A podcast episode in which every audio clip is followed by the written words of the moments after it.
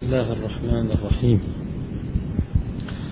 الحمد لله رب العالمين. سامع الأصوات مجيب الدعوات منجح الطلبات قاضي الحاجات. والصلاة والسلام على سيد الأنام المصطفى محمد بن عبد الله وعلى آله الطيبين الطاهرين.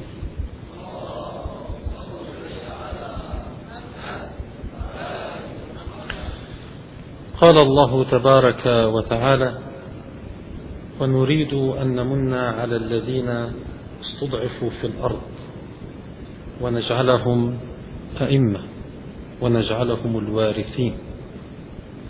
الله تبارك وتعالى وعد في نهاية مسيرة الحياة أن ينتصر الدين دين الإسلام دين الله تبارك وتعالى حتى يسود العالم. ليظهره على الدين كله. وهذا لن يتحقق على نحو الإجمال والتمام إلا بمجيء المهدي المنتظر سلام الله تعالى عليه. الإسلام له انتصارات شتى في حقبات مختلفة من التاريخ. انتصارات جزئية في مكان معين أو في زمان معين. إلا أن الانتصار الشامل الغالب العام الذي سوف يسود الأرض لن يكون إلا على يد ابن رسول الله صلى الله عليه وآله وسلم الذي اسمه اسمه وكنيته كنيته يبعثه الله تعالى في آخر الزمان ولو بقي من الزمان يوم واحد فقط ليملأها قسطا وعدلا كما ملئت ظلما وجورا.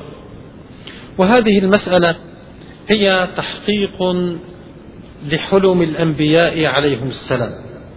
فالأنبياء عبر التاريخ منذ آلاف السنين جاءوا بمبادئ الدين الحنيف.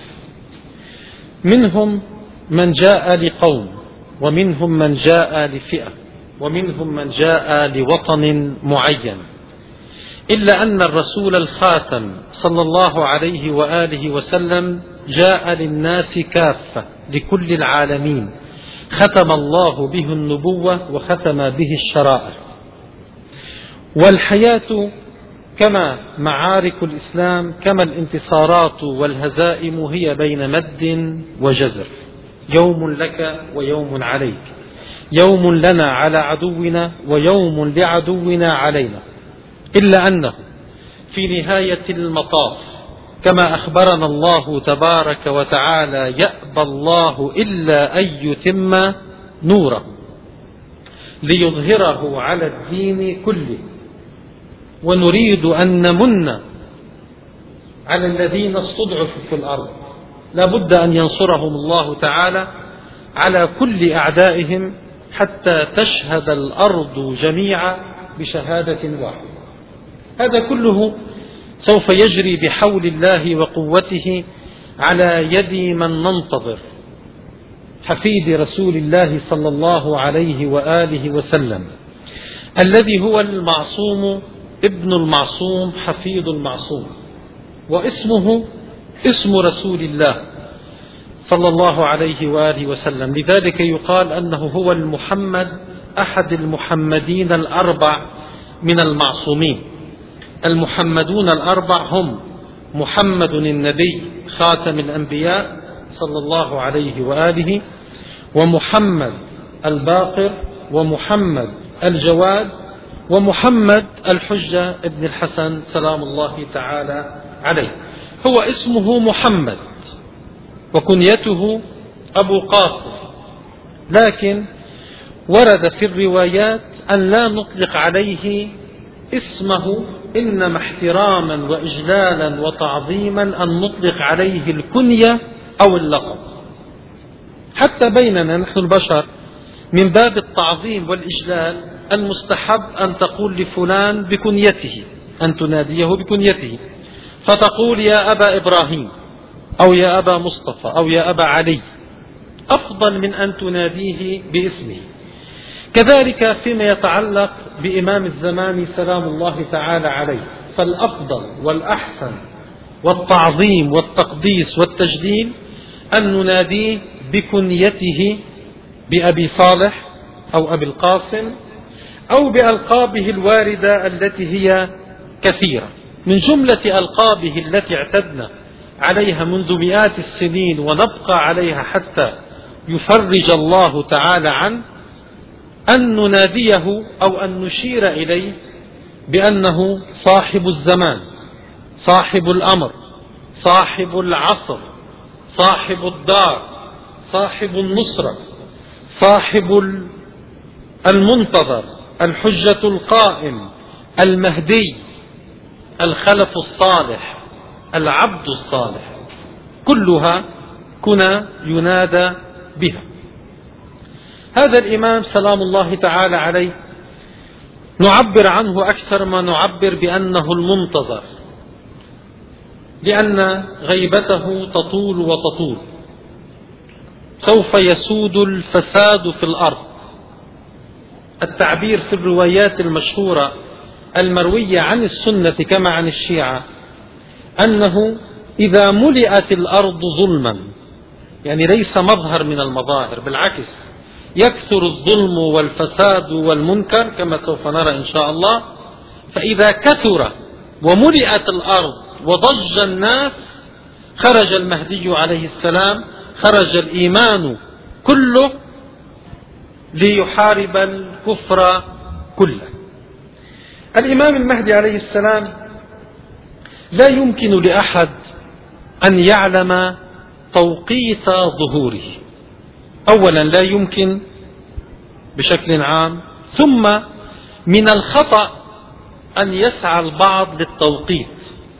يعني البعض يجتهد ويقول أن الإمام عليه السلام سوف يظهر بعد عامين والبعض يقول أنا عندي معلومات أن الإمام عليه السلام سيظهر بعد خمسة سنين والبعض يقول خلال شهرين أو ثلاثة أشهر.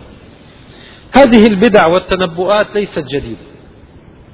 منذ مئات السنين نسمع بها منذ عقود نسمع بها منذ سنوات ونحن نسمع أن فلانا في بلاد كذا أو في منطقتنا أو في المنطقة الأخرى يتنبأ بظهور الإمام المهدي المنتظر عجل الله تعالى فرجه الشريف.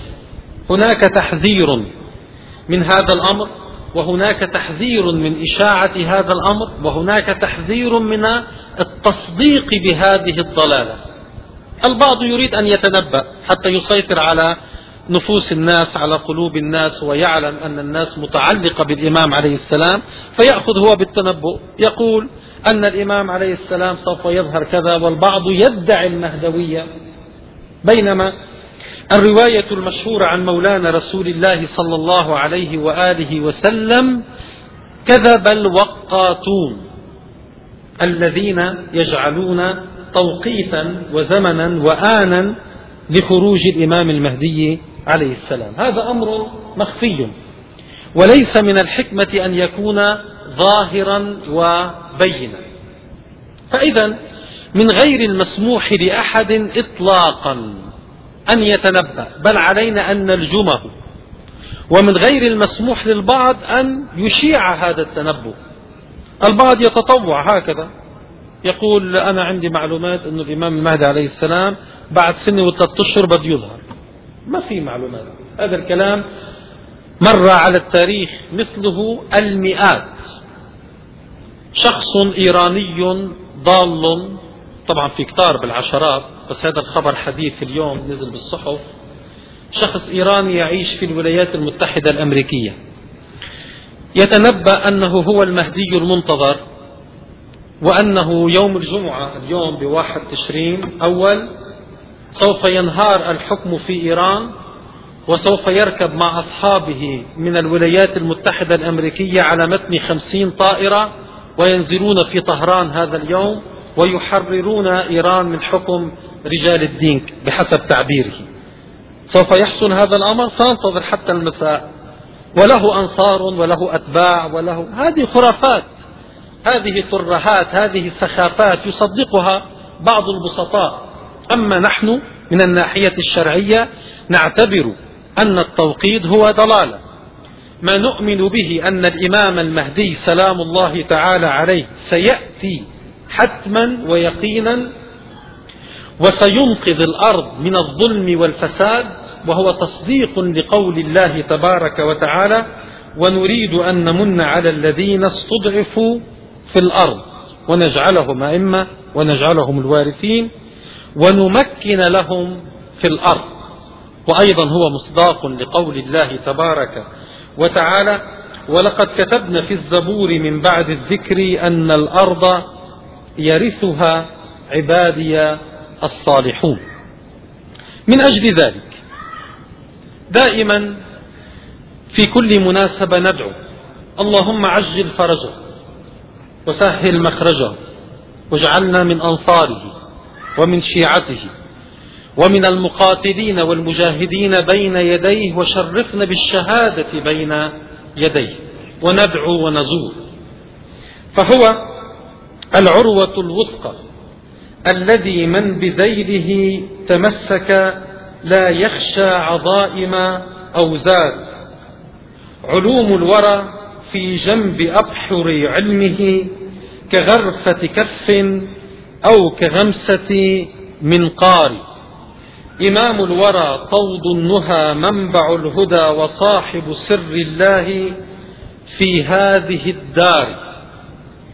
أغث حوزة الإسلام واعمر ربوعه فلم يبق منها غير دارس آثار لأنه هو الذي يحيي الإسلام ويحيي سنة رسول الله محمد صلى الله عليه وآله وسلم. وأنقذ كتاب الله من يد عصبة عصوا وتمادوا في عتو وإصرار. وأنعش قلوبا في انتظارك أقرحت واضجرها الأعداء أية إضجار وعجل فداك العالمون بأسرهم وطهر بلاد الله من كل كفار. لذلك هو المهدي المنتظر سلام الله تعالى عليه وعجل الله تعالى فرجه.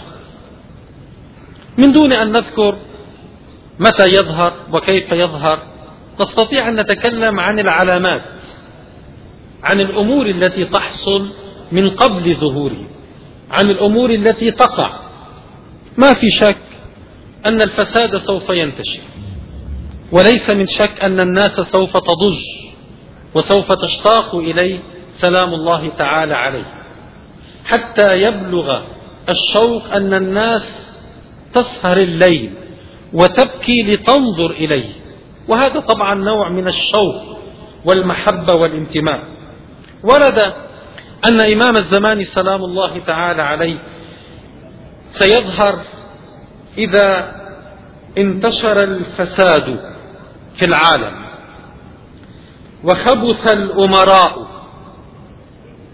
فلنقايس ما ورد في الروايات وهي بالمئات مع واقعنا اليوم. هناك روايات كثيرة تحدثت منها خروج الرايات السود من بلاد فارس من طوس من بلاد طالقان كما في الروايات. أنتم تعلمون أن منطقة في إيران كبيرة طالقان. قومك يا سلمان كما في بعض الروايات. في بعض الروايات ائتوهم ولو حبوا على الثلج. في جزيرة العرب لا يوجد ثلج. الثلج موجود في بلاد إيران. إحدى الروايات ويقتل أهل مصر أميرهم. ويقتل أهل مصر ساداتهم بهذا التعبير. ولكن بالنهاية كذب الوقاطون العلامات العامة الشاملة. إذا خبث الأمراء يعني الحكام في البلدان الإسلامية تكون عند خبث الأمراء ومداهنة القراء الذين يقرؤون القرآن مداهنة ليس ثوابا ولا أجرا ولا قربة ولا تعليما إنما فقط نوع من أنواع مداهنة الناس والمتاجرة بالدين. وإذا صدقت أمتي بالنجوم وكذبت بالقدر يعني صدقوا بالتنبؤات بالخرافات. وفي هذه الأيام من دون أن نتكلم أنتم تعلمون كم من الناس تلجأ إلى الشعوذة وإلى التبصير وإلى بعض الخرافات أكثر مما تلجأ إلى الحقائق واليقين. ذلك حين يتخذون الأمانة مغنما والصدقة مغرما. يعني الناس إذا أعطوا الأمانة بيعتبروا الأمانة مغنم. واحد حط عندك أمانة بتطنش عليها إن شاء الله ينساها ما أعطيه. تعتبر الأمانة هذا من علامات آخر الزمان مغنما. هي ليست مغنم. لأن فلان إذا وضع أمانة عندك فحتى لو مات يجب عليك أن تؤدي هذه الأمانة إلى أهلها. ويعتبرون الصدقة مغرمة. يعني إذا واحد مطلوب منه يدفع صدقة أو زكاة يعتبرها كأنها ضريبة ويدفعها وهو ليس راض. والفاحشة إباحة. هذه من علامات آخر الزمان. هي موجودة في زماننا ولا لا؟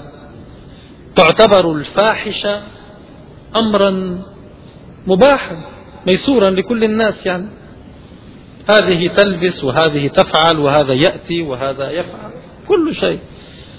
تنتشر الفواحش إلى درجة أنه ما عادش فيك تقول الفاحشة جريمة. لا تستطيع أن تقول أن الفاحشة منكر أنها فساد. الفاحشة هي أمر مباح. الآن يأتي شخص حتى بعض المتدينين بيقول لك مولانا بجوز أنا صادق وحدي؟ أه، صداقة مولانا. يعني صار الأمر اختياري. شو معنى صداقة؟ في عندنا موازين شرعية. نحن العلاقة بين الرجل والمرأة المرأة والرجل الشاب والفتاة العكس. لا أنا واحد بيجي بيقول لك أنا بالجامعة بعرف وحدة عم صادقها هي صديقتي. يعني الفاحشة أصبحت أمر آه، مباح وميسور. إلى درجة أن الأسبوع الماضي في تركيا عندما أراد مجلس النواب التركي أن يصدر قرارا بتجريم الزنا يعني وصلنا لدرجة في أمور لا تصدق يا إخوان هذا من علامات آخر الزمان. من علامات آخر الزمان. أن الحكومة التركية تريد أن تصدر قرار أن الذي نعوذ بالله يزني هو مجرم. ماذا حصل؟ نزلت بعض النساء المتحررات المتحضرات عملوا مظاهرة بأنقرة إنه هيدا ضد حرية المرأة وهذا عمل متخلف. وما المشكلة إذا زنت المرأة؟ وما المشكلة؟ نحن الآن في القرن الواحد والعشرين. هل هناك من يفكر أن هذا الأمر هو جريمة؟ هذه من الأمور التي تجعل عقل الحليم حيران هذه من علامات آخر الزمان. اللهم ثبتنا. لأنه تأتي الآن بعض الروايات أن بعض المؤمنين يستيقظ عند الصباح على الإيمان ويمسي عند المساء على الكفر. هذه من فتن آخر الزمان. أنه بيعملوا مظاهرة بتركيا النساء لا بيطالبوا بالزنا. هذا مطلب يعني شعبي ديمقراطي فيه الحرية. والفاحشة إباحة. والعبادة تكبرا البعض يصلي ويتكبر. البعض يذهب إلى الحج ويتكبر. واستطالة على الناس. وجاء رجل إلى رسول الله صلى الله عليه وآله وسلم بعد صلاة الصبح فقال يا رسول الله متى الساعة؟ فسكت رسول الله صلى الله عليه وآله وقتا. ثم عندما أشرقت الشمس قال تبارك خالقها وواضعها وممهدها ومحليها بالنبات. متى الساعة؟ إذا قعدت الحملان على المنابر. شو المقصود بالحملان؟ اللي بيتسلط على المنبر ليمدح السلطان ليمدح الزعيم ليمدح الرئيس. كيف بده الرئيس بنخطب كيف بده الزعيم؟ مثله كمثل الحمل عائل الآن في بعض بلاد المسلمين يقف الخطيب على المنبر ويؤتى بالخطبة من وزارة الأوقاف. ممنوع أن يزيد وممنوع أن ينقص. بلدان إسلامية كبيرة. في المسجد الحرام الآن أنتم ترون على التلفزيون عندما يتلو خطبة الجمعة خطبة مكتوبة. ممنوع لا يزيد ولا ينقص. ولا بروح. في تركيا نفس الشيء في مصر الآن هناك مساعي اليوم الحكومة المصرية أصدرت قرارا أن الصلوات المستحبة في شهر رمضان ممنوعة إلا في المساجد التالية. واحد اثنين ثلاثة أربعة. حتى الصلاة المستحبة صار بدها إذن. اللي نحن بالغازية هون ما في حدا بطلع لنا قرار بأن إذا بتصلوا مستحب شو أبو علي؟ صار بكرة إذا واحد بده يصلي صلاة الليل بده يجي يأخذ ورقة مختوم من وزير الداخلية. هذه من علامات آخر الزمان هذه. هذا السخف أن نصل إلى هذه الدرجة. وقعدت الحملان على المنابر. واتخذ القرآن مزامير. يعني مثله كمثل الموسيقى. الآن نقول عندنا احتفال نأتي بقارئ القرآن يقولون لا هذا الصوت أفضل من صوت هيداك. هذا صوته أحسن. هذا بنغم. هذا بنقول له الله الله الله أعد أعد. أصبح القرآن غناء طربا. صاحب الصوت الجميل. ومجالس العزاء نفس الشيء أيضا. فلان صوته جميل. هلا علمه مستواه رواياته آياته كلامه ليس مهم. واتخذ القرآن مزامير. وزخرفت المساجد ورفعت المنابر. واتخذت الزكاة مغرمة والأمانة مغنمة. وأطاع الرجل امرأته وعق أمه. هلا واحد عاد من السجن هو وزوجته الله يهنيه هو وياها بس على حساب أن يعق أمه لا هذا مش صحيح. ولعن آخر هذه الأمة أولها وساد القبيلة فاسقهم. هذا من علامات آخر الزمان. وكان زعيم القوم أرذلهم.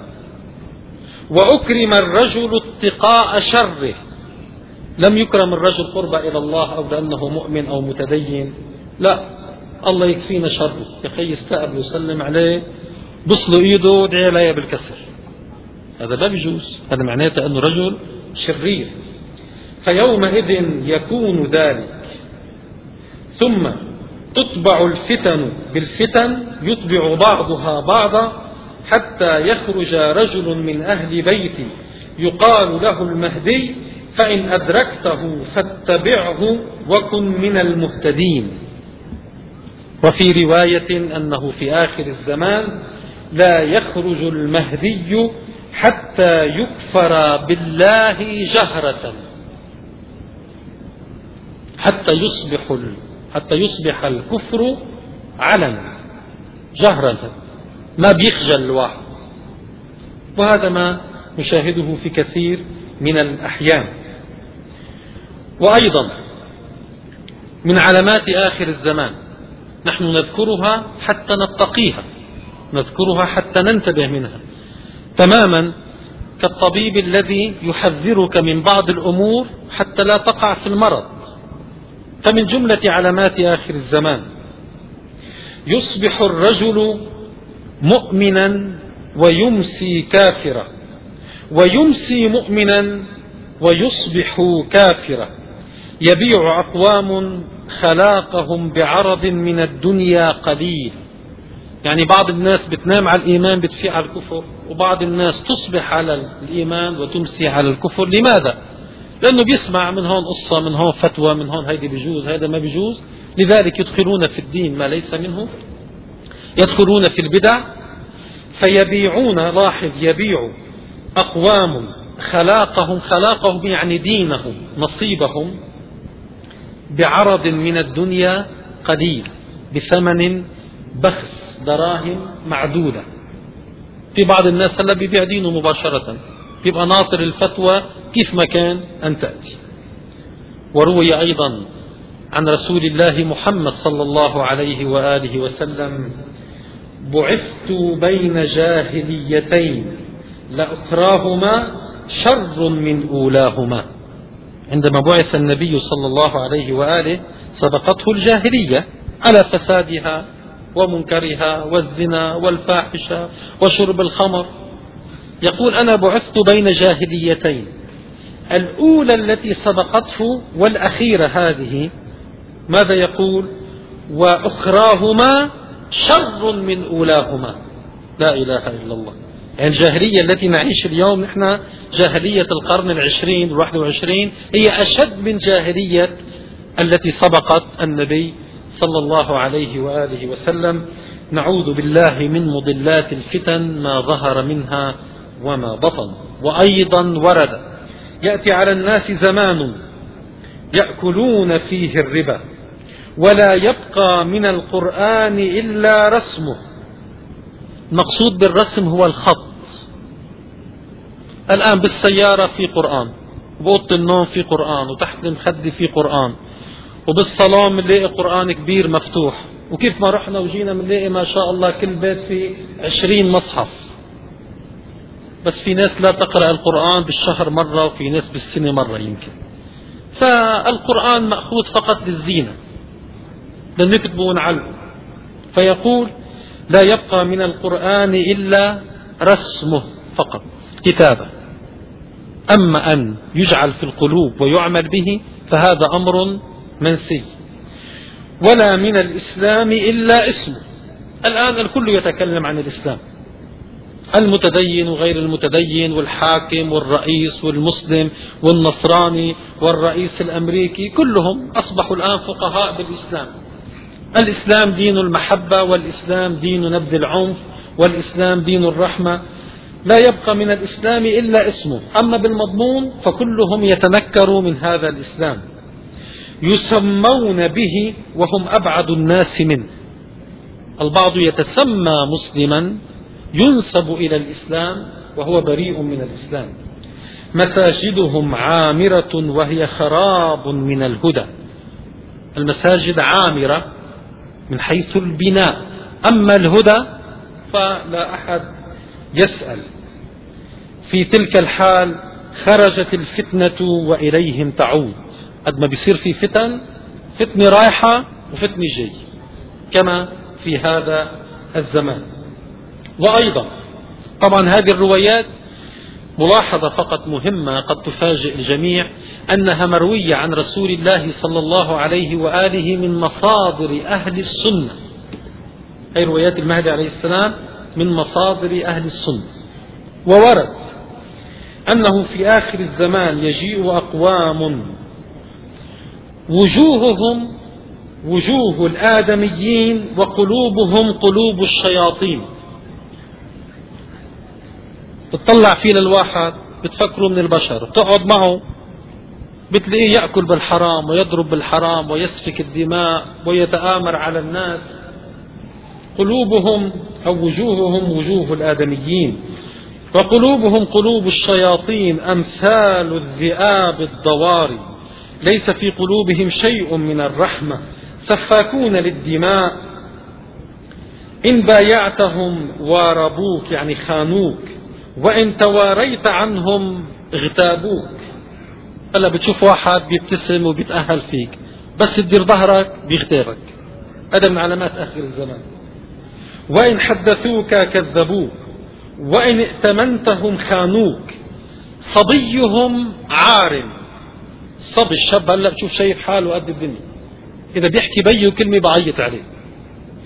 وشابهم شاطر. الشاطر هو الخبيث الداهية المتآمر. من كيف تقول واحد؟ فلان شاطر لعوب يعني. وشابهم شاطر. وشيخهم لا يأمر بالمعروف ولا ينهى عن المنكر. حتى ما يفكر حدا ضامت يعني. حتى الشيخ الكبير أنا ما خصني لا أمر بالمعروف ولا أنهى عن المنكر. الحليم فيهم غاو. والآمر فيهم بالمعروف متهم. إذا طلع له شي شاب شاف والله الأخ فلان الحج فلان بالمسجد شاف فلاني أمر بالمعروف يتهم. أنت ليش دخلك عم تأمر بالمعروف؟ عامل لك شي حزب؟ صاير من الأصوليين الإرهابيين؟ صاير من جماعة طالبان؟ يا خيي هذه حكم هذه فتوى هذه شرعا هيك حلال حرام. لا أنت متعصب ومتزمت الآمر فيهم بالمعروف متهم والمؤمن فيهم مستضعف والفاسق فيهم مشرف. الفاسق محترم. السنة فيهم بدعة والبدعة فيهم سنة. إذا واحد يدعو للسنن النبوية كأنه يدعو إلى بدعة والذي يدعو إلى البدعة يسعدون به ويعتبروها بالعكس. هذه السنة الصحيحة. فعند ذلك يسلط الله عليهم شرارهم فيدعو خيارهم فلا يستجاب لهم. وأيضا من جملة علامات آخر الزمان أنه يوشك أن تداعى عليكم الأمم من كل أفق كل أمم الأرض الكافرة تجتمع عليكم. كما تداعى الأكلة على قصعتها. قصعة هي الوعاء الكبير الذي تجلس عليه الجماعة لتأكل. كما تداعى الأكلة على قصعتها. قلنا يا رسول الله أمن قلة بنا يومئذ؟ قال صلى الله عليه وآله أنتم يومئذ كثير ولكن تكونون غثاء كغثاء السيل. تنتزع المهابة من قلوب عدوكم ويجعل في قلوبكم الوهن. فقالوا وتعجبوا يا رسول الله ما الوهن؟ نحن أمة الإسلام كيف يأتي الوهن؟ هذا هو الدرس الأخير. قال صلى الله عليه وآله حب الحياة وكراهية الموت. حب الحياة وكراهية الموت. عندئذ هذا هو الوهم. هذا هو الضعف. عندما تعشق أن تبقى حيا ولو على حساب الدين وتخاف من الموت. لو كنت مؤمنا حقا مستعدا فتعشق الموت في سبيل الله أكثر من عشق الحياة. كما وصف أمير المؤمنين علي عليه السلام شيعته بأنهم حريصون على الموت أكثر من حرص الكفار على الحياة. وأيضا ستكون بعدي فتن فتنة تتلوها فتنة حتى لا يبقى بيت إلا دخلته ولا مسلم إلا سقطته حتى يخرج رجل من عترتي يقال له المهدي سلام الله تعالى عليه. وأيضا من علامات آخر الزمان سوء الجوار وقطيعة الأرحام وتعطيل السيف من الجهاد. الآن البعض لا يريد الجهاد بالسيف. يقولون نحاور نتكلم. بس أما الجهاد بالسيف لا دخل لنا به. والروايات في ذلك كثيرة. بعد في عنا مئات الروايات. نكتفي بهذا ولا نطيل. عجل الله تعالى فرجه وسهل مخرجه وجعلنا. من جنده ومن أنصاره ومن شيعته ومن المتشرفين بالقتال بين يديه. ونسأل الله تعالى أن يعزنا بأن نتبرك بالشهادة وأن يلحقنا به وبجده المصطفى محمد صلى الله عليه وآله وسلم. بسم الله الرحمن الرحيم. قل هو الله أحد. الله الصمد. لم يلد ولم يولد ولم يكن له كفوا أحد